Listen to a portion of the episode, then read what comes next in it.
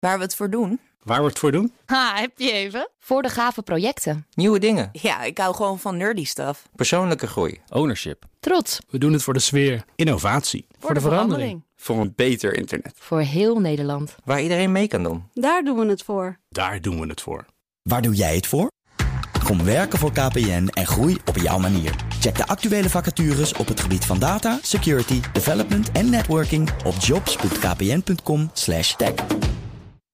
BNR Digitaal wordt mede mogelijk gemaakt door Orange Cyber Defense. Orange Cyber Defense. Build a safer digital society.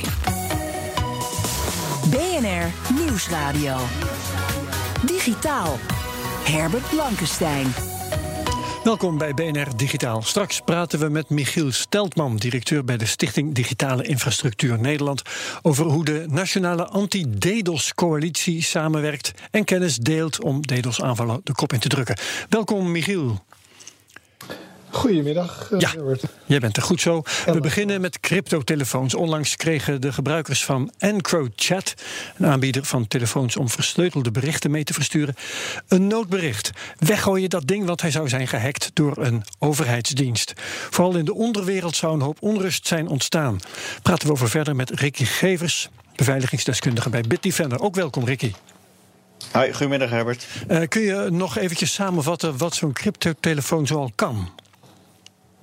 Uh, nou, deze specifieke telefoons zijn er eigenlijk vooral voor bedoeld om op een veilige manier met mensen te communiceren zonder dus dat de politie daarbij kan of dat die zomaar mee kan lezen. Uh, dat is het hoofdzakelijke doel eigenlijk van dit type telefoons. En we kennen die het beste natuurlijk van de Enetcom-zaak. En uh, feitelijk gezien heeft dat er ook voor gezorgd dat wellicht Tachi op dit moment opgepakt is. Of in ieder geval van de straat Oh ja. verwijderd is. Ja. maar wat je vaak bij die telefoons dus vooral ziet, is dat voornamelijk eigenlijk criminelen die gebruiken. Die denken dat ze super veilig daarmee uh, kunnen communiceren. En zich ook tegelijkertijd vogelvrij voelen in die omgevingen. De, dus ze gaan helemaal los eigenlijk in die omgeving met de woorden die ze gebruiken. En de doelen die ze stellen. Dus de mensen die ze bijvoorbeeld gaan uh, vermoorden. Of waar de kilo's cocaïne naartoe gaan. En ja. uh, dat gaat nog wel eens fout dus. Ja, um, dat betekent dus, dat, dat um, impliceer je eigenlijk ook al, dat die toestellen een stuk minder veilig zijn dan men denkt. Nou, dat hoeft niet per se het geval te zijn. Ik denk dat de grootste misvatting eigenlijk is dat men denkt dat de normale telefoon niet veilig is. Maar een groot gedeelte van onze normale telefoons is behoorlijk veilig. Als jij bijvoorbeeld via WhatsApp met iemand communiceert, dan zal de politie niet op dat moment zomaar meeluisteren. Dan moeten ze in ieder geval heel veel moeite voor doen dat dat uh, gebeurt. Um, en op het moment dat ze dus zo'n telefoon gebruiken, denken ze die mensen vooral dat ze echt super veilig zijn. Uh, maar tegelijkertijd, als je een specifieke telefoon gaat gebruiken die als enige doel heeft dat veilige communiceren, dan maak je van jezelf natuurlijk ook één groot target voor de politie. ja, ja, ja. Dus je trekt wel alle aandacht dan. Ja, nou, um, dat zijn een paar dingen waar ik eigenlijk wel over uh, verder wil praten.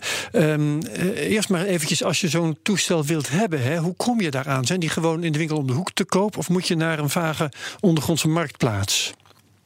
Ja, dat is misschien wel eventjes leuk om, uh, om aanvullend te vertellen. Je hebt bijvoorbeeld ook Silent Circle. En die heeft ooit de Blackphone gehad. En die werd in Nederland verkocht via KPN gewoon. Ja, uh, dus dat is een telefoon die ongeveer hetzelfde aanbiedt... als wat deze encrypted telefoons aanbieden.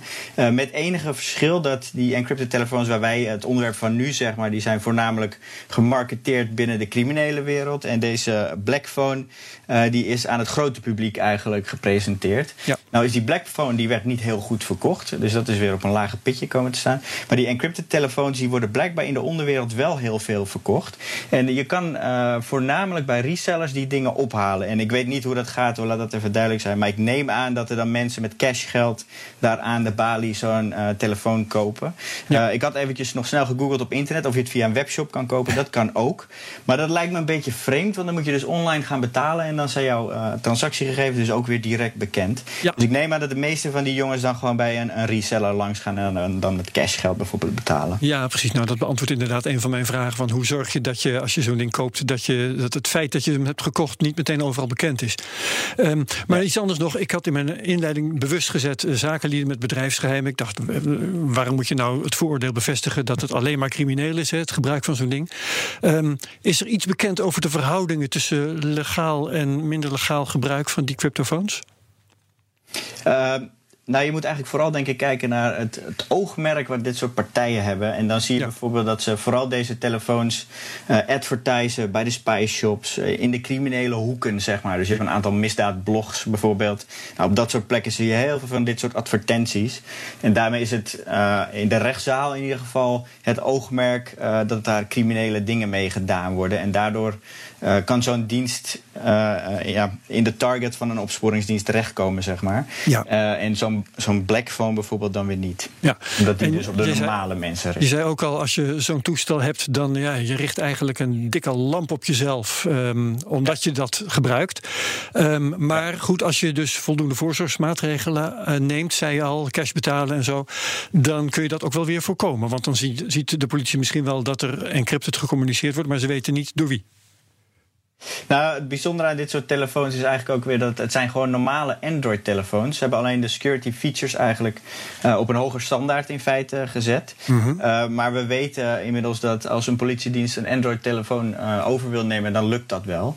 er zitten ook allerlei features in dit soort type telefoons die in de praktijk eigenlijk niet heel veel voorstellen. Of in ieder geval niet heel veel beter zijn dan een gemiddeld Android-toestel. Ja, dus eigenlijk als je als stel ik ben uh, crimineel en ik raadpleeg jou, gesteld dat je zo'n advies zou willen geven, uh, moet ja. ik zo'n cryptofoon hebben? Uh, maakt mij dat veiliger? Dan is het antwoord eigenlijk nee.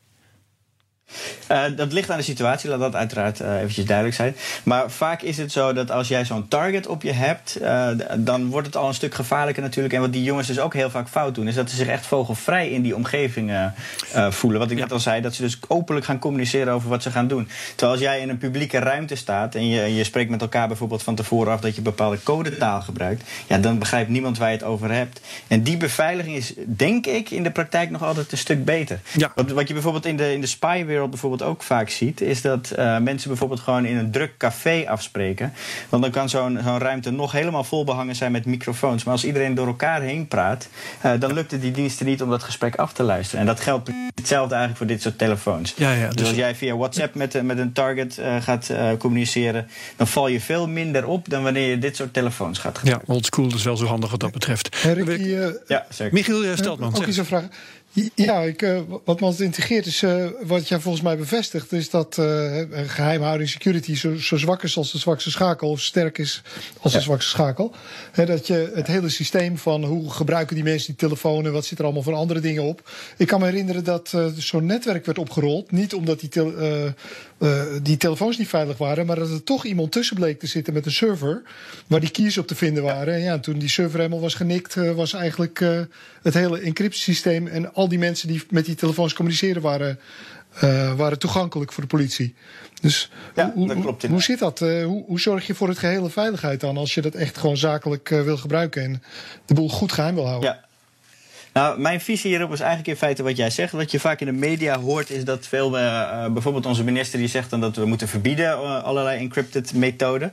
Maar in de praktijk zie je gewoon dat voornamelijk ook nog eens criminelen best wel veel fouten maken, waardoor ze alsnog heel makkelijk op te sporen zijn. Dus ik ben zeker niet tegen het encrypten van messaging apps bijvoorbeeld. Zeker nog, ik vind het eigenlijk juist heel goed. want die jongens maken toch wel genoeg fouten. En bij die Enetcom-zaak bijvoorbeeld is het zo geweest dat er een, een, een password manager is geweest. En die password manager had als wachtwoord BlackBerry. Nou, ik denk dat we allemaal wel snappen dat dat wellicht niet het slimste is uh, om te doen. Uh, maar dat is hoe die jongens met dit soort uh, zaken omgaan. Dus je kan het technisch helemaal perfect in orde hebben, maar je blijft een mens en mensen maken altijd fouten. Dus er worden altijd fouten gemaakt in dit gedeelte. Oké, okay, dus we zouden natuurlijk BlackBerry 1, 2, 3, 4 moeten gebruiken. Ja. Nou was het, het verhaal over EncroChat, Ricky, was dat ze gehackt waren. Is het zeker dat dat waar is? Ja. Ik heb het proberen uit te zoeken, maar ik kan eigenlijk vrij weinig vinden. Ook als je het hm. bericht verder bekijkt, dan zie je dat het een hele slechte spelling is opgemaakt. Lijkt een of ander haastig uh, berichtje. Kan overigens heel goed wel waar zijn, hè? laat dat even duidelijk zijn. Ja. Uh, maar ik vind het lastig om precies te achterhalen wat er nu heeft plaatsgevonden. Het zou ook zomaar kunnen zijn dat die eigenaren gewoon, uh, hoe noem je dat, met de Noorderzon vertrokken zijn en het geld in hun zak hebben gestoken. dat weet ik niet. Wat wel waar is, is dat er op dit moment heel veel invallen schijnen plaats te vinden. Met name met, met geld witwassen. En daarvan wordt dan weer binnen dat circuit zeg maar, gespeculeerd dat al die jongens toevallig zo'n telefoon gebruiken op dat moment. nou, dat is natuurlijk een goede manier om erachter te komen waar het zwakke, de zwakke plek zit. Als jij ziet dat er tien mensen opgepakt worden en ze gebruiken allemaal die telefoon, ja, dan weet je dat er wellicht iets, iets aan de hand is. Ehm, maar daar zullen we in de loop der tijd waarschijnlijk achter komen, denk ik. Ja, en wat is de rol van EncroChat precies? Verkopen ze alleen telefoons of zijn ze ook provider? Ze zijn ook provider en ze hebben best wel dure abonnementen. Uh, je kan voor 1500 euro kan je zes maanden ongeveer die telefoon gebruiken. Uh, ik heb, moet ik er even bij zeggen hoor, ik heb zo'n telefoon nog nooit in mijn handen gehad. Dus ik weet niet 100% mhm. zeker hoe dit in elkaar zit. Uh, ik kijk alleen maar zeg maar naar de informatie die online staat. Maar om de zes maanden moet je dat abonnement veranderen. En wat zij voor je gedaan hebben, is, is dat ze het operating system goed hebben ingericht. En eigenlijk krijg je dus een simpel internetabonnementje erbij. Dus nou ja, 1500 euro voor een simpel abonnementje dat je per zes maanden moet verlengen. Uh, daar verdien je veel geld mee. Ja, en um, even, even om het samen te vatten. Als ik nou, uh, laten we zeggen, een uh, mooie, een, een, legale zakenman ben en ik wil encrypted communiceren, wat raad jij mij dan aan om te doen? Gewoon Signal gebruiken bijvoorbeeld, of toch zo'n telefoon? Ja. Nee, Signal zou ik denk ik gebruiken. Uh, het is misschien overigens ook wel goed om eventjes te benoemen dat dit soort telefoons dus ook veel binnen de advocatuur gebruikt worden. Ik ben zelf bekend ook met één advocaat die daadwerkelijk zo'n telefoon gebruikt. Bijzonder is dan wel weer dat ze die telefoon gebruiken om met hun criminele cliënten uh, te communiceren. Dus zo blijft dat wereldje dan toch wel weer een beetje uh, in die richting zitten. Ja. maar op WhatsApp gebruikt bijvoorbeeld hele goede encryptie. Het vervelende op dit moment is natuurlijk dat het door Facebook is overgenomen en de, de encryptie nu niet meer open source is. Dus we kunnen het niet controleren. Uh, dus op dit moment heb ik geen reden om te denken dat de encryptie zeg maar, van WhatsApp slecht is, maar die zou wel slecht kunnen zijn. Uh, tegelijkertijd hebben we Signal, uh, die gebruikt ongeveer hetzelfde protocol. Daarvan is de, de source code wel openbaar, dus dat kunnen we controleren. En dat is gewoon helemaal goed afgeschermd. Oké. En vrijwel alle functies die je in dat EncroChat hebt zitten, die zitten ook binnen Signal. Ja, Oké, dankjewel Ricky Gevers van Bitdefender. Herbert Blankenstein. Waar we de laatste tijd met name over ransomware horen, zou je bijna vergeten dat DDoS ook nog bestaat.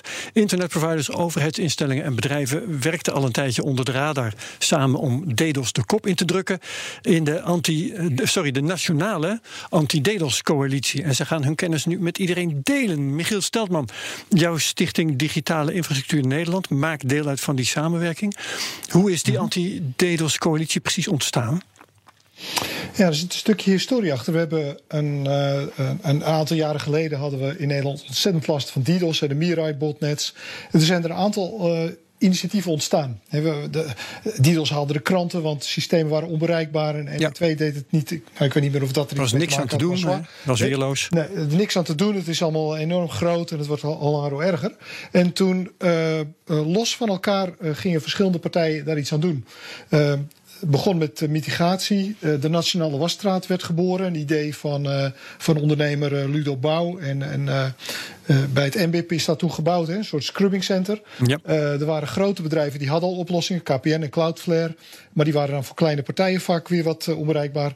er kwam iets als het Trusted Network Initiatief, een soort digitale ophaalbrug. Er was een idee om dan te gaan zitten knoeien met de routing van het internet. Nou, daar werd gemengd over gedacht. Hè. De een vond het wel een prima idee om dan niet vertrouwde netwerken af te koppelen. Maar ja, dat is toch wel een beetje rigoureus hier. Je bent ineens niet meer bereikbaar ook. Um, en er ontstond ook de Dutch Continuity Board. Het was een initiatief van um, met name de telco's, de grote telco's, die het vanuit dat perspectief bekeken. En er waren nog wat losse ideeën. SCDN is natuurlijk altijd heel actief bij de, het, uh, de weerbaarheid in de Nederland. De stichting die de domeinregistratie doet. Ja, precies. Ja. En, maar dat waren losse initiatieven die... Uh, ja, toch wat uh, verschillende invalshoeken hadden. Elkaar uh, niet, niet altijd even goed begrepen. En um, door een aanvallen twee jaar geleden merkten we toch dat bij partijen dat het tijd werd om elkaar op te gaan zoeken. En toen heeft uh, SDN, uh, iemand van SDN Labs, initiatief genomen om alle partijen om de tafel te krijgen, ook met de universiteiten. Uh, Aiko Pras van TU, TU Enschede, TU Twente. een expert op het gebied van kunstmatige intelligentie. Expert op het gebied van DDoS. Precies. Nou, ook expert op het gebied van, uh, van botnets en DDoS-aanvallen. Okay. En toen besloten we dat het tijd wordt om alle krachten te bundelen. Dus met alle partijen om de tafel te gaan zitten. Om uh, ja, multidimensionaal zeg maar, het probleem uh, de koe bij de horens te vatten. De mitigatie, ja. informatieuitwisseling, research. Alles wat daarbij hoort om dit probleem gewoon goed de kop in te kunnen drukken. Zowel detectie, preventie als mitigatie. Ja, Ricky Gevers, DDoS aanvallen, dat weten we. Dat is het, het bombarderen van één plek, één site met uh, aanvallen of met data-aanvragen eigenlijk uit alle richtingen. Heel veel dataverkeer krijg je en de, de, de site gaat plat. Hoe vaak kom je dat nog tegen eigenlijk de laatste tijd? Ik hoor er niet zoveel meer over. Ja, het leuke is dat ik dit een heel leuk onderwerp vind. En ik heb samen met Aiko ook heel veel onderzoek gedaan uh, via de TU uh, naar dit soort dingen. En het leuke van de TU is, die hebben een heel groot netwerk. En wat we daar gedaan hebben, is dat we die DDoS-aanvallen gekocht hebben... en afgevuurd hebben op de Universiteit van Twente. Want ja, je kunt het in het criminele circuit kun je gewoon een DDoS-aanval kopen. Hè? Dan wordt het voor je gedaan ja, bij een uh, handige... Voor 10 dollar kun je dat kopen. Ja, DDoS as a service. Met het, ja, exact. En we hebben keurig met het OM afgestemd dat we dat gingen doen en uh, die aanvallen uit gingen voeren. Uh, nou ben ik je vraag even kwijt. Um, of je ze nog vaak tegenkomt, maar je koopt ze ja, dus gewoon. Ja, nee, maar je ziet heel vaak dat ze in golven gaan. En we zien ja. nu eventjes dat we weer in een laag moment zitten. Een laag seizoen zou je het misschien eventjes kunnen noemen. Overigens met corona kan het nu misschien juist weer heel hoog uh, worden. Mm. Uh, maar ik denk dat we vier jaar geleden ongeveer een enorme piek hebben gezien. En het gaat ongeveer met twee jaar. En wat belangrijk denk ik is om te weten... is dat het voornamelijk hele jonge cybercrimineeltjes zijn die, uh, die hiermee bezig zijn. En dan moet je echt denken aan van 14 jaar tot 22, 22 ja. jaar. En het oogmerk is, is meestal chantage of iets dergelijks. Hè? Betaal of anders, dan leggen we je site plat. Nou, of je, ja, of je, je examentoets uh, saboteren. Je moet examen ja. doen of je wil niet naar school. of oh, ja. leg je de boel even plat. En als je geen zin hebt, juist niet hebt gedaan. Dan, ja, ja oké. Okay. Um, Michiel, um, die anti-DDoS-coalitie heeft zich een tijdje rustig gehouden onder de radar, uh, zoals ik het net al zelf zei. Um, waarom was dat eigenlijk? Nou, het is uh, om de, met 16 participanten kan je voorstellen dat het even tijd kost, uh, die, die vormingsfase. Hè. Wat, wat ga je met elkaar doen? Welke programma's, werkgroepen? Hoe ga je de financiering regelen? Wie gaat wat doen? En voor je dat een beetje op de rit hebt, ben je wel uh, weer even verder. Ondertussen werd er ook gewerkt aan systemen. Er is een clearinghouse gemaakt. Onder andere het NLNet Labs is daar, is daar bij betrokken. Wat is dan, dan zo'n um, clearinghouse? Nou, Clearinghouse dat is een, uh, een uh, uitwisselservice voor uh, fingerprints van, van DDoS-aanvallen. Dus je kunt kijken op het internet wat voor soort uh, DDoS-aanvallen er zijn. Om te, te, achterhalen waar ze vandaan komen, wat voor botnets daarachter zitten. Maar ook de ontwikkelingen te volgen. Hè, wat voor soort uh, fingerprints kun je zien. Uh, dat is allemaal belangrijk om bij te blijven met de ontwikkelingen. Te zien waar de, waar de accenten en waar de hotspots zitten. Zodat je ja. op tijd ook je mitigerende maatregelen daarop kan aanpassen. En, en je, je noemt fingerprint. Kun je aan een vingerafdruk zien wie erachter ja. zit of iets dergelijks? Ja, ja, er zijn heel veel verschillende vormen van DDoS. Uh, we noemen ze vaak heel geavanceerd. Maar heel geavanceerd, eerlijk gezegd, dat is vaak om te verdoezelen dat we nog niet precies weten hoe je moet mitigeren. Nou, uh, is onder andere NAWAS en anderen zijn er best wel goed in uh, geworden. Maar een fingerprint is een methode. Je kunt bijvoorbeeld op gewone IP-adressen. Dus je kunt IP-flots doen. Je kunt de ping of death had je vroeger. Uh, maar je kunt ook op andere lagen van zogenaamd de OSI-stack, dus de netwerkstack gaan zitten. Door een aanval gericht op een website of op de, of op de HTTPS. Hè, dus op de, het opzetten van een encrypted verbinding. Hè, daar, daarmee hmm. kan je ook een website overflodden met verkeer. Zodat die steeds maar bezig is om uh, verkeer te decrypten. En dan wordt hij ook onbeschikbaar. Dus er zijn allerlei trucken en methoden. Ja om uh, websites te overbelasten. En ja, afhankelijk van het botnet uh, en de criminelen die erachter zitten, wordt er vaak een andere methode gehanteerd. En die fingerprints zijn heel waardevol. Ja. Om te weten wat, waar komt het vandaan en hoe ontwikkelt het zich. Nu uh, heb ik al gezegd, jullie gaan informatie delen. Um, welke informatie gaan jullie precies delen en door wie, met wie? Nou, dat, uh, ja, de verschillende partijen. Je kan je voorstellen dat het voor de politie natuurlijk heel interessant is om te weten waar het vandaan komt en, uh, en, en, en, wie erachter zit. Het is voor de Nationale Wasstraat en voor andere partijen die uh, mitigerende, die dus bescherming bieden tegen DDoS, belangrijk om te weten wat voor soort nieuwe aanvallen ze hebben en hoe ze hun systemen die kunnen beschermen tegen DDoS moeten, moeten ontwikkelen, moeten uitbouwen. Dat je ook met die nieuwe systemen mee kan. Ehm, bedrijven die het zelf regelen, die, eh, die kun je informeren over wat ze aan basisregelen moeten doen. Dus ook een werkgroep uh, basismaatregelen die aan de kant van afnemersbedrijven uitlegt wat je kunt doen om het te voorkomen. dus wat, wat, wat, voor soort uh, beschermingsmaatregelen zijn er in de markt? Wat kun je zelf doen? Uh, hoe ga je ermee om op het moment dat je DDoS krijgt? Hoe ga je met je netwerking om? dus ja, dat is heel veel informatie die tussen al die actoren uh, moet en kan worden gedeeld. Ja, uh, Ricky, kun je eigenlijk zeggen die DDoS-aanvallen worden die nou nog steeds geavanceerder? Zit er nog evolutie in, of is het allemaal toch hetzelfde? Die worden vele malen groter en die gaan op korte termijn ook vele malen groter worden. En dat komt voornamelijk door 5G en eh, de explosie die we hebben qua smart devices zeg maar, in ons huis. En uh, nou weten we allemaal tegenwoordig dat we die devices goed moeten securen. Maar we kopen ze allemaal op AliExpress en daar blijken ze toch niet zo heel goed secure te zijn. en die krijgen binnenkort, uh, of op korte termijn in ieder geval, allemaal nog een krachtigere internetverbinding ook. Dus het gaat alleen maar groter worden. Ja, en uh, Michiel, um, dit uh, Nederlandse initiatief. Er wordt naar het schijnt uh, vanuit het buitenland met afgunst naar gekeken. Heb jij zelf tenminste getwitterd. Mm -hmm. um, kan dit nou een exportproduct worden? Nou, het, het, model is een exportproduct. Kijk, ja. wat. Uh, dus niet dat je er geld mee kunt verdienen, bedoel je? Nee, nee, maar het, het hele manier van multi-stakeholder werken aan problemen is, dat is redelijk nieuw. Het internet zelf was eigenlijk al uh, het multi-stakeholder model, dus overheden, wetenschap, bedrijven, not-for-profits, uh, law enforcement, noem het maar op. Al, allemaal samenwerken. Dat was op het internet al, al, redelijk gewoon, maar het is nog niet gewoon bij het aanpakken van de problemen. En je ziet als je naar, uh, naar Europa kijkt, naar Brussel, en dan zie je vaak de, de, ja, de stoere mannentaal, de spierballentaal van bedrijven moeten meer doen. En het ja. wordt tijd dat ze hun verantwoordelijkheid nemen. Dat soort uh, gebazel, noem ik het. Hè, want uh, zo werkt dat helemaal niet. Um, echt effectieve oplossingen om narigheid op het internet te bestrijden, vereisen al die actoren, zowel de overheid als uh, law enforcement bij de overheid, het beleid, maar ook acties van bedrijven, uh, meldpunten, NGO's, noem het maar op. He, al die actoren zijn nodig om dit soort problemen op te lossen. En dit project is echt een bewijs, deze coalitie, dat dat dus effectief is, dat dat werkt. Ja. Een enkel bedrijf kan dat in zijn eentje niet regelen. Zeker een MKB-bedrijf niet. Die weten echt niet wat ze moeten doen. De overheid kan het ook niet alleen. Die kunnen moeilijk internet gaan policen. Ja. En uh, ja, dus heb je, de, heb je al die actoren nodig. Nou, dat model, dus multi-stakeholder aanpakken van internetnarigheid, dat is best wel uniek. En zit in Nederland ook wel een beetje in de genen. He, polderen hebben we hier uitgevonden. Zeggen we altijd maar, twee uh, steden gingen op elkaar schieten. En uh, nou ja, als het water steeg, dan moesten ze de kanonnen even uitzetten. Want dan moest je ja. samen een dijk bouwen. Als krijg je al bij natte voeten, dan kan je weer verder schieten. En dat zijn we in Nederland heel erg gewend, dat polderen. En andere landen kijken daar toch wel met belangstelling naar. Eh, want het wordt vaak een beetje gezien als een soort softe manier van omgaan met problemen. En wij vinden het juist heel erg productief. Inmiddels zijn er ook meerdere coalities waar je ziet dat deze manier van werken uh, ja, erg succesvol is. Okay. Erg goed kan werken. Dankjewel, Michiel Steltman, directeur van de Stichting Digitale Infrastructuur Nederland. Ook dank aan beveiligingsdeskundige Ricky Gevers van Bitdefender. BNR Digitaal kun je terugluisteren via bnr.nl, onze app of wat je ook maar gebruikt voor je podcast. En daar vind je ook mijn andere podcast, de Cryptocast, de Technoloog en Space Cowboys. Wat BNR Digitaal betreft, heel graag tot volgende week. Dag. BNR Digitaal wordt mede mogelijk gemaakt door Orange Cyber Defense. Orange Cyber Defense. Build a safer digital society.